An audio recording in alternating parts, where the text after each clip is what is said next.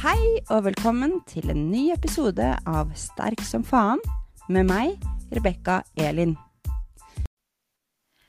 Hei, hei, Rebekka. Hei, Rebekka. Hei, god dag. Nå er det en stund siden sist. Det er det. og Her sitter jeg i Italia og har nettopp kommet fra å bade i Bolsena-sjøen. Men uh, likevel så er vi på lufta nå sammen. Ja, ja. Herlig at du har tatt deg litt tid til meg. Det setter jeg pris på. Selvfølgelig. Alltid tid til deg, Rebekka. Koselig. Ja, nei, eh, vi har jo pratet så vidt før denne episoden også, men eh, det blir spennende å, å, spille inn enda en uh, ny podkast med video denne gangen. Mm -hmm. Det er gøy. Ja. Mm. Så ja, nei Tiden har jo gått siden, siden jeg var på sykehuset, og det har vært opp- og nedturer siden da. Det... Fortell litt. Hva, hva, hvordan har det Fordi nå, nå, sitter du hjemme, ikke sant? Mm, endelig flyttet jeg hjem til min egen leilighet. Så det er også et stort ja, skritt, da. Mm. Ja, for hvor, hvor, dro du etter sykehuset først? Jeg dro til foreldrene mine for å få mm. oppvartning og ha noen rundt meg. Mm. Ja. Og det er jo lurt, da, Rebekka. Og det, det, er jo litt sånn som jeg tenker kanskje temaet i denne episoden her er at Oi. noen ganger så må, faktisk, så må, man faktisk, klare å ta imot hjelp. Og noen ganger huske at man faktisk er i en restitusjonsfase. Det er ikke så lenge siden du ble operert både én gang og så en liten ekstra runde hvor de fikset litt ekstra. Så det å på en måte faktisk si jo, vet du hva, jeg drar hjem til foreldrene mine og blir vartet opp, det er kjempeviktig. Ja. Det, det, jeg, jeg, kunne jo ikke gjøre så mye selv heller. Eller, ikke sant? Det var jo så vidt jeg klarte å bevege meg. Så, så det Ja. ja. God hjelp, det. Mm. Ikke sant. Men nå, nå, er du hjemme? Nå er jeg hjemme. Og det er ja. Jeg har vært der i en og en halv uke nå, og jeg føler jo på en måte at jeg er eh, frisk som en fisk når jeg våkner, eh, men kjenner på smerte og at jeg er sliten på ettermiddagene, da. Så ja, det, jeg er ikke helt i mål enda, har jeg skjønt. Nei.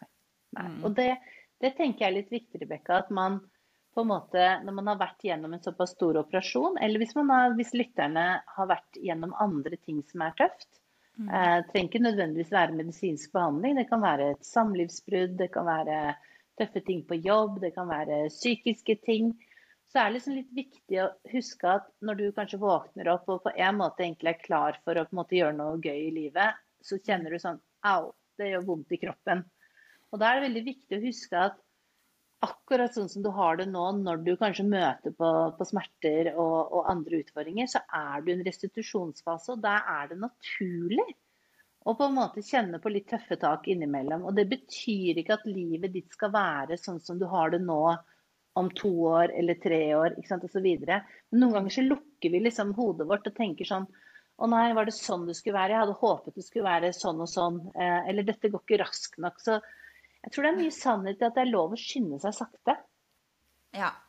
Eh, det er litt sånn Jeg trenger å, å få høre det også.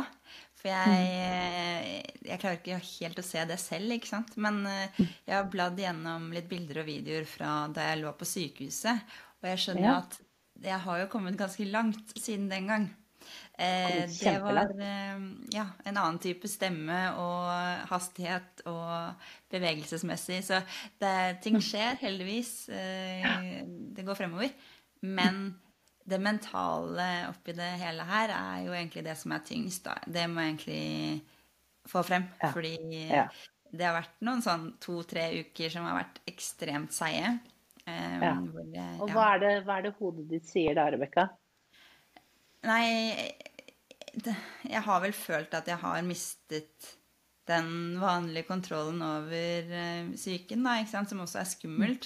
Uh, det mm. handler jo mye om den uh, diabetesen, men også selvfølgelig det er en stor påkjennelse å være postoperasjon-pasient også.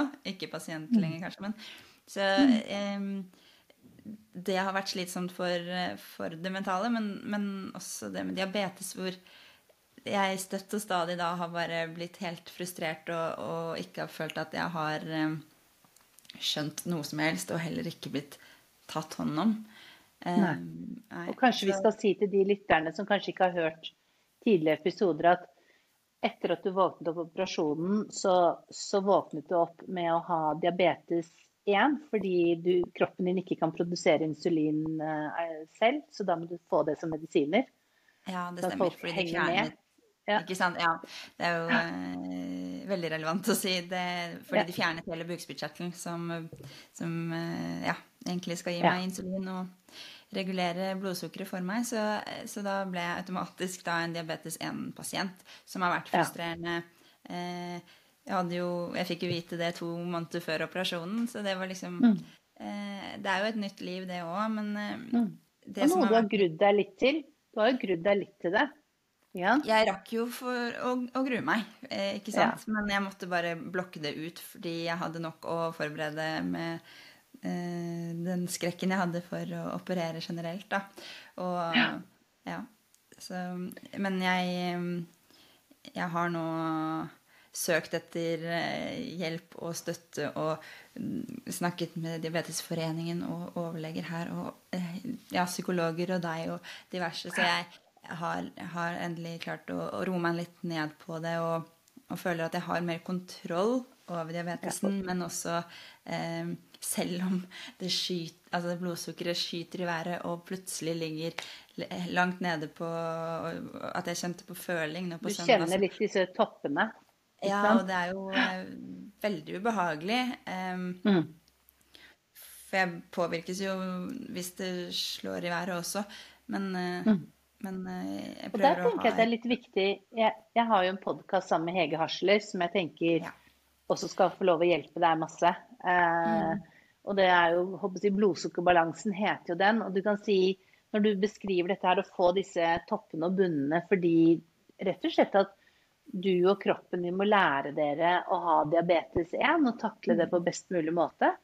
Og det er jo litt sånn altså Det er jo fantastisk at vi har en legevitenskap som kan operere og få deg frisk. Eh, mm. Samtidig som man da De fleste av oss som er blitt operert, får det man kaller litt sånn senskader. ikke sant? Og, og hvis en, en blir borte, så er selvfølgelig da må du på en måte lære deg å bli en god diabetes 1-person, mm. som gjør at du ikke trenger å føle deg som en pasient, men at du på en måte får mest mulig livskvalitet.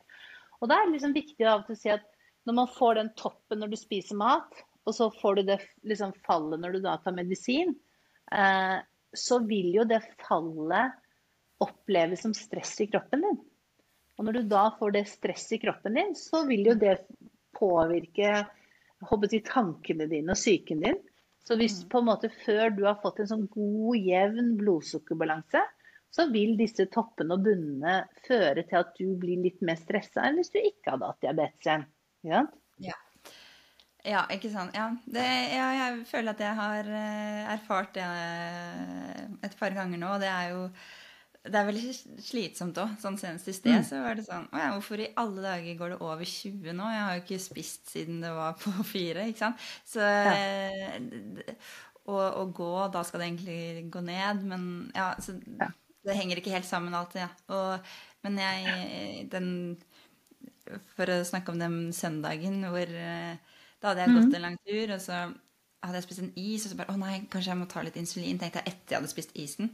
Men det var litt lite karbohydrater i, så jeg tok for mye insulin, og det var varmt, og jeg gikk tur til bilen min igjen. Hadde dårlig mm. tid til å eh, gjøre et ærend, og mm. så går alarmen, og så prøver jeg å kaste i meg en brødskive. Mm. Og så haster jeg inn på det som var politistasjonen som jeg skulle til, og så Eh, fant jeg heldigvis Fortell en... de som ikke vet det, når du sier alarmen går, hva betyr det ja, egentlig, Rebekka? Nei, da, da, sier telefonen min eh, Da uler den og sier at nå har jeg lav, lav eh, glukosenivåer. Altså blodsukkeret er mm. lavt. Mm. Og da kan man nærme seg føling, ikke sant. Så ja. jeg var sånn OK, da må jeg spise det jeg har. Og så fant ja. jeg to smil i vesken min, og så, mm, og så løp jeg inn på politistasjonen, og så skal jeg ta sånn ID-kort. Var det jeg skulle beskrive ja. denne Mens du sitter og har eh, føling? ja. Og det er sånn hos politiet. Det, er kanskje det blir sånn bilde. ja. Nei, så um, Så fant jeg en sjokolade i sånn automat, og dyttet i meg den, og så For jeg begynte jo å riste, og det var liksom mm. Veldig ubehagelig. Så skjønte jeg ikke hvorfor det ikke gikk oppover. Eh, og sånn, og så jeg skjønte at det tok jo litt tid da, før det steg igjen. Og da det steg, så gikk det plutselig veldig i været, for da hadde jeg jo spist så mye sjokolade, og det er mye fett i, så da, og det tar sakte opp ikke sant? Det er ting jeg har lært nå. Um, så da smalt jo det rett opp i over 20, Du har rett og slett kjørt berg-og-dal-bane. Ja, det eneste da, positive var at du var på politistasjonen, så da er du vært på et sted hvor folk kan hjelpe deg. Ja, ikke sant. Så, nei, så etter, eh, etter eh, Da det hadde gått opp, så hadde jeg så sykt vondt. Da fikk jeg Altså, smertene mine blir sånn ganger 20. Jeg vet ikke om du kjenner noe til det? At det er en jo, du kan si jo det du beskriver ikke sant? Du kommer jo i en ganske sånn stressende situasjon. Og ja. når vi stresser For det første så er jo da stresset med å påvirke hvordan kroppen både sender ut blodsukker i blodbanen når vi har liksom lager i leveren og musklene. fordi når vi, når vi får når vi spiser, da, når du også spiser som diabetes 1-person, så, så, spiser du, og så trenger du insulin. fordi insulinet, når det kommer i blodet, så trekker det glukosemolekylene inn i leveren og musklene. Jeg pleier å si det er som en sånn garasje. Og så lager du sånne sukkerkjeder som heter glykogen. Og det som er at du må finne balanse hver gang du spiser, at du har riktig mengde insulin. fordi vi trenger jo noe blodsukker. Eh, det er derfor vi kaller det blodsukker, altså glukose. Det betyr det glukosemolekylene som er faktisk i blodbanen. Fordi mm. det er en av de viktigste energikildene for hjernen din. Vi trenger glukose for at hjernen din og cellene får energi. Så når du da kjører berg-og-dal-bane og blir stresset, det som da mm. også skjer, det er at når du stresser uten at du har spist noe, så frier leveren din blodsukker. Så derfor så stiger det plutselig høyt. Så når du er stresset i en berg-og-dal-banesituasjon, så vil stresset ditt påvirke at det blir enda mer berg-og-dal-bane. Og når vi har mye stress, så får vi også raskere smerter. Bortsett fra akkurat når vi kanskje er i en, en fysisk kamp og får adrenalin, så det, da pleier vi å få et, det hormonet som gjør at vi kan kutte oss og vi kjenner ikke smerten. Hvis folk har falt og brukket et kne, så kan du se på kneet bare Du ser at det er en skade, men du føler ikke. Men mm. det du opplevde, var på en måte si, blodsukkersvingninger som på en måte du som er en fersking som diabetes 1-person, blir stresset av. Og da vil det igjen påvirke. Hvis du hadde bare sittet sånn og meditert mens dette skjedde, så ville ikke blodsukkeret steget så fort. Fordi det stiger raskere fordi stresset gjør at leveren sier sånn OK, da må jeg tømme mine lagre så at Rebekka har masse blodsukker. Og da sier hjernen etterpå ja, men nå har hun ikke noe lager, nå må jeg ha noe mer. Så du, det er jo som å være på helt sånn ecstasy-party i kroppen, liksom. Ja, så, så, ja, så, så, det henger sammen. Så mange tenker ikke at blodsukkersvingninger og stress og det mentale henger sammen. Ja. Så du kan si det du og jeg kan øve oss på, for siden jeg får lov å være i teamet ditt som coach også Nå er jeg på en måte sånn med, medgjest i, i podkastene, men, men, som coach så må vi tenke at neste gang du kommer i en sånn berg-og-dal-bane, så må vi ha verktøyene klare. sånn at da skal du bare være enda roligere enn mm. du ville vært i en annen eh, situasjon. Så at vi på en måte kan lære deg opp til å bare vite akkurat hva du skal gjøre i en sånn mm. situasjon, sånn at ikke stresset gjør det enda verre. Nei, ikke sant. Ja, det ville vært eh, supert å få noen tek teknikker for ja. å hindre det, da. Mm. Ja, og det kan vi jo gjøre. Det kan vi jo filme nå som vi har har denne jeg, kamera også, så kan vi jo filme at, at, jeg kan lære deg noen av de øvelsene som vi kan dele med lytterne litt, litt ja. hva man kan gjøre. For det kan andre også gjøre i situasjoner som kanskje ikke har blodsukkersvingninger, men som kanskje har ekstra mye stress. Fordi tenk deg, tenk deg hvis vi har masse stress, så takler vi jo på en måte ikke andre mennesker. Og du har kanskje opplevd det at når man f.eks. har gått gjennom operasjon som det du har gjort, man går gjennom kroppslige endringer, så har vi jo en tendens noen ganger til å dytte bort noen av våre nærmeste fordi vi er så stressa. Har du opplevd at du har dyttet bort noen av dine nærmeste? Eh, ja. Det har jeg. Mm. Ja. Nei, du, jeg, da, ja, jeg har fått nok av liksom alt inni meg, da. Så jeg, ja. Ja. har trengt Så du burde egentlig si, du burde si til dine nærmeste, familie og venner og, og kjæreste og hvem det måtte være som på en måte er rundt deg, er at du må si at akkurat i den fasen hvor du er sånn fersking og må lære deg liksom disse svingningene, og Mm. forklare at disse svingningene gir deg litt mer stress enn normalt. Og da de to kombinasjonene kommer til å være at du kommer til å være litt sånn? De vil sikkert si sånn Å, nå er du kald, eller nå dytter du meg vekk, ikke sant? Eller nå er du ikke takknemlig for det vi vil gjøre, ikke sant? Altså alle disse tingene. Så om du bare sier Vet du hva, det er ikke meg, Rebekka. Det er liksom stresset og blodsukkeret som herjer med meg. Så ha tålmodighet. Jeg er over det verste. Mm. Så kommer jeg tilbake. Men akkurat nå så må du på en måte lære deg å Jeg tror mange gjør den feilen at når de på en måte eh, har kommet seg gjennom en medisinsk behandling og operasjon, sånn som i ditt tilfelle her, så må man nesten sette seg sammen på nytt. Man blir ikke den man var før. Men fordelen med å sette seg sammen på nytt, er at man kan jo bli kvitt litt gruff som man ikke har lyst til å ha med av seg selv. Eh, og så kan man sette seg sammen, men også at du gir deg den egenomsorgen og egenkjærligheten du trenger nå i restitusjonsfasen. Og si til dine nærmeste, og hils gjerne fra meg som coachen din, at nå må ingen ta deg helt på alvor hvis du dytter dem vekk. Vi kan heller snakke om det om ett år. Mm. Og nå kanskje Ja. hvis de hører, så tenker de sånn Yes, nå skjønte jeg hvorfor Rebekka har vært sånn. Ja. Bare alvor hele veien. Jo, men Nei, ja. det er naturlig Ja. fordi du kan tenke deg blodsukkersvingningene oppleves som stress i kroppen din. Mm. Og når du da i tillegg kobler på det mentale stresset fordi du føler at du har mistet kontrollen, ja, Ja. så får du på en måte dobbelt stress. Og det er før du har pratet med noe som helst menneske. Ja, ikke Og hvis du da prater med et menneske som ikke sier de riktige tingene, da er det lett å få relasjonsstress også i tillegg. Ja, alt henger sammen. Ja, jeg føler jo at, eh, at eh, etter, etter operasjonen og, og liksom, så har eh, hormonene vært ute av, av spill, da. Eh, Ja. Menstruasjonssyklus og sånn har også blitt påvirket. Og det tror du kanskje kan henge sammen, eller? Hvordan Absolutt. Du kan si Jeg nettopp nå her i Italia har hatt masse damer på hormonkurs og stressmestring og empowerment. Fordi hvis vi forstår hvordan hormonene påvirker oss fysisk, men også følelsesmessig Jeg pleier å si som den fagpersonen jeg er med medisinsk genforskningsbakgrunn, at alt du føler er egentlig på en måte et bilde av hva slags hormoncocktail som svirrer rundt i blodet ditt akkurat nå. Så du kan si det at du da opplever stress? Kroppen din har både vært gjennom fysisk stress fordi noen har hentet ut noen organer. Det opplever kroppen som fysisk stress. Så har du opplevd det mentale. Ikke sant? Det er tøft å være pasient og gå igjennom. I tillegg så har du fått det hormonelle fordi vi snakker her om bukspyttkjertelen, så du får blodsukkersvingninger. Så det er klart at moder natur hun tenker sånn ah, jeg må kanskje passe litt på Rebekka den menstruasjonssyklusen nå. Det er ikke sikkert hun skal liksom få tvillinger akkurat nå. Ja? Og da er det ofte det at man enten kan oppleve at mensen uteblir, eller at den kommer uregelmessig. ikke sant? Og vi har jo to eggstokker, så de skal jo bytte på annenhver gang. Og når de går i surr, ikke sant.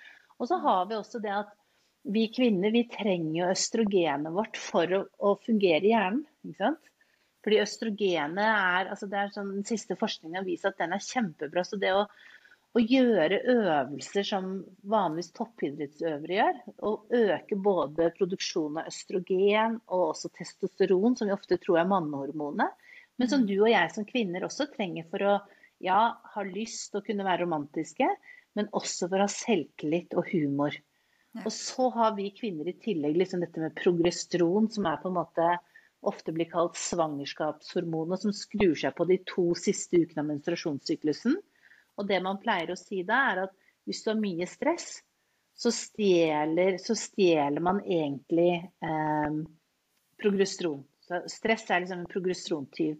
Og det vil igjen påvirke din østrogen. Så nå ble det masse hormonprat. Men Ja. det, svaret mitt er ja, selvfølgelig. Det du opplever nå, Rebekka, påvirker på en måte din hva skal si, naturlige syklus. Og dermed også ditt humør. Ja. Ja, men Ja. da har jeg svaret, da. Er det to Ja. streker? Ja. Okay. ja, Og det kan kan vi har- gjøre når jeg kommer tilbake til Norge. Da kan vi ta med, da kan vi ta med lytterne og seerne på senteret. Og så kan vi rett og slett vise dem øvelser som du gjør, men som de også kan ha glede av. Ja. Det, det er kult. Det gjør vi. Ja. Mm. Hva slags eh, øvelse er det, da? Er det en Altså, spesiell? det er det typisk sånn hm? Er det flere øvelser, eller er det en type Det er flere øvelser. Ja, Ja, okay. så du kan si en øvelse som man kan, kan gjøre. Altså det er jo en som jeg kaller espressoøvelsen, som gir deg litt sånn eh, Vi har ikke gjort den før, tror jeg. Har vi det? Nei, vi har ikke gjort den her. Det er egentlig at du bare tar hendene sånn opp i, i myke knyttnever. Og så tar du armene opp, og nå ser jeg ikke, men du skal ha armene sånn at de spriker. Og så tenker du at du tar en usynlig stang når armene er helt oppe. Nå er kameraet sånn at ikke man ser det hvis jeg gjør sånn her, kanskje. Men når du har armene oppe, så tenker du at du tar en usynlig stang, og så drar du den hardt ned. Og så hvis du gjør det samtidig som du puster inn gjennom nesen når du går opp, og så er, sitter jo ikke vi sammen, så er det ikke så farlig om man er snufset i nesen, og så puster man ut gjennom nesen. Og hvis du gjør det 15 ganger, og så tre ganger etter hverandre, så tre ganger 15, så uansett dagsform så vil kroppen din produsere masse deilig testosteron. Fordi en sånn tommelfingerregel er at når armene er over hjertet, litt sånn som gorilla som bare åh, står der, ikke sant? eller Tarzan som står og slår seg på brystet, så vil eggstokkene dine lage testosteron. Og det er sånn som man bruker mye i toppidretten. Ikke sant? Det, er, det, er, ikke helt tilfeldig at alle har armene opp når du vinner. Bare sånn, yeah, jeg vant, ikke sant? Altså, det er ikke tilfeldig. Så, så det er en sånn øvelse som, som eh, er genial å bruke. Altså, hvis du tar tre ganger 15, armene opp, spriker fingrene, tar den usynlige stangen og drar ned. Husk at du puster inn gjennom nesen på vei opp, ut gjennom nesen når du går ned. Så lover jeg deg at hvis lytterne og du også prøver det, så kommer du etterpå til å føle sånn åh, du- plutselig var du liksom litt full av energi. Og det er rett og slett at du får lagd kjønnshormonene som gir deg den der lille ekstra energien. Kult. Ja, men Der fikk jeg lurt ut en øvelse. Det var jo Ja. perfekt. ja. Og det kan, det tenke, som jeg sier, det kan vi jo gjøre en sånn liten session hvis lytterne vil være med. Ja. Så kan vi gjøre den sessionen på senteret. Og så kan de bruke det selv som et litt sånn feel good empowerment-program. Fordi som jeg sier, har du én hjerne og én celle, så virker disse øvelsene. Og det bør vi mennesker eh, Det ha. Så det tror jeg på Ja. Nei, men så kult. La oss gjøre det. Um, Det gleder jeg meg til. Jeg, jeg Ja, dette her var jo kjempespennende, og tiden fløy nå. Men eh, jeg har jo veldig lyst til å snakke mer om det å miste kontrollen og ting jeg har følt på um, under oppholdet på sykehuset, som Ja. jeg kan relatere til en skrekk jeg har hatt de siste ti årene, eller 14, eh, Mhm. Pluss minus.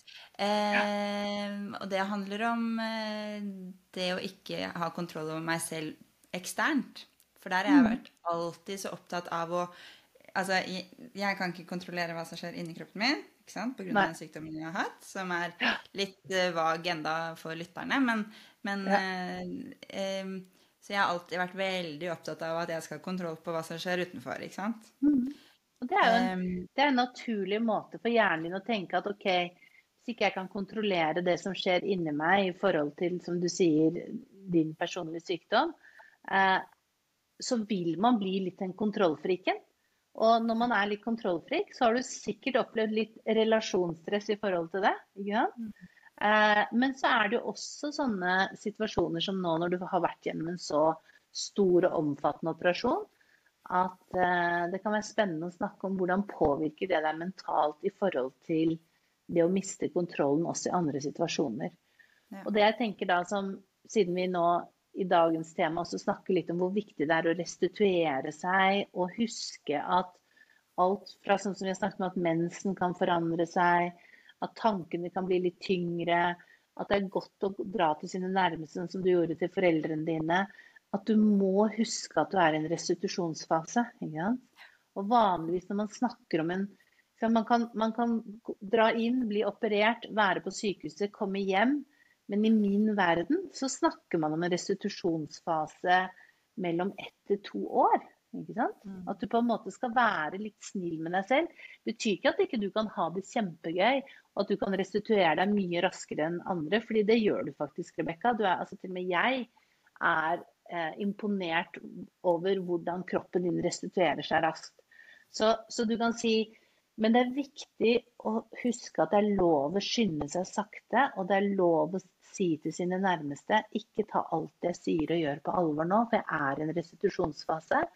Så jeg har ikke helt kontroll på den nye versjonen av meg selv. For den må du sette sammen nå i, i ukene og månedene som kommer. Ja. Nei, ja, det er eh, gode tips. Jeg, jeg må innrømme at det var ekkelt å kjenne på den eh, jeg, Ja, jeg, det, det, toppet seg innmari med den frustrasjonen, og det var sånn mm.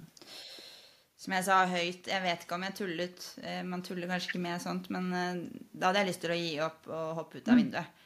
Mm. Og det, det syns Ja, det er ikke noe hyggelig. Men Nei. ja.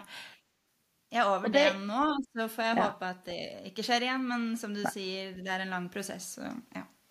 ja, ikke sant? og da er det viktig. Ikke sant? Og da er det det som er bra, Rebekka, det er at du har på en måte Du har meg, du har psykologen, du har på en måte team rundt deg. ikke sant? Og du, mm. du stoler på legen din, ikke sant? Altså alle disse tingene her. At det er viktig på en måte å tenke at du skal ikke gå gjennom dette alene, du skal ha teamet ditt med deg. Og når det på en måte kommer sånn at hodet kan liksom til og med komme en så ekstrem tanke som du sa, så er det viktig å tenke at der hvor du er nå, så er det naturlig å tenke katastrofetanker noen ganger, fordi det er tøft. Men så er det, håper si, som man også sier, man vet ikke hvor sterk man er før man ikke har noe valg. ikke sant? Mm. Så du kan si selv om du kan få en katastrofetanke, så vet du når du får snakket med noen i teamet ditt, at her får vi bare ta ett skritt tilbake. Skynde oss sakte. På en måte gjøre de tingene som er bra for kropp og sinn og følelsene dine. Og så beveger vi oss i riktig retning, sånn at du skal få det livet som du fortjener, og som jeg vet at du er knallgod på å leve ut. Nemlig å nyte livet, ikke sant? Altså, som jeg pleier å si med livslyst. Eh, og selv om du er en utålmodig sjel, så er du i fantastisk god form nå i forhold til hva du kunne ha vært, Rebekka. Derfor er det viktig på en måte for deg å nesten på speilet skrive Husk, jeg er fortsatt i en restitusjonsfase. Ja. Fordi hvis du husker det, så vil ikke nødvendigvis de katastrofetankene på en måte komme så ekstremt. Ja. Nei, god Ja, det, ja. det er sant. Det er litt ja. som det der plastilappen på pannen som man burde ha, eller ja. på hånden, for å vise andre ja. at jeg er syk også, eller sånn. Ja. Jeg, jeg syns ofte man burde ha sånn merke med sånn gul, gul si, hva er det sånn grønn, gul og rød, akkurat som et sånn trafikklys, og så si 'hvordan er jeg nå'? Altså Hvis du har den rød, så bare sånn 'OK, jeg skal la deg være litt i dag', liksom. Uh, at man kunne ha det. fordi det er liksom viktig. Det, det, er viktig også hvis man kan bli såret av mennesker. Husk hva er det det andre mennesket går gjennom som gjør at den personen reagerer sånn. Altså Det du har gått gjennom nå, så er det jo sånn at folk ofte vil at man skal være så takknemlig for at man har overlevd, takknemlig for at alt har gått bra. Men de av oss som har vært gjennom tøffe operasjoner, vi vet også at det er kjempeslitsomt. Ja? Så du trenger egenomsorg, du trenger kjærlighet til deg selv. Og kanskje da av og til minne de rundt deg om at du er i restitusjonsfase, sånn at du slipper unødvendig relasjonsstress. For du har mer enn nok med blodsukkerstresset og din egen situasjon hvor du skal øve deg å få tilbake kontrollen på livet ditt og kroppen din. Ja. Ikke sant? Ja. Nei, sant. Ja, men så bra. Så uansett, eh, hvis du jeg skulle si, uansett, hvis du faller, så har du et team rundt deg. Da kommer vi og plukker deg opp igjen og løfter deg. Ja. Vi er der for deg. Jeg vet. Takk. Ikke sant? Det betyr mye. Det, ja, håper jeg du vet. Nei, men tusen takk. Jeg tror vi runder av der, og så Det gjør vi. Ja, ha det. Neste episode. Fint. Ja. Ha det.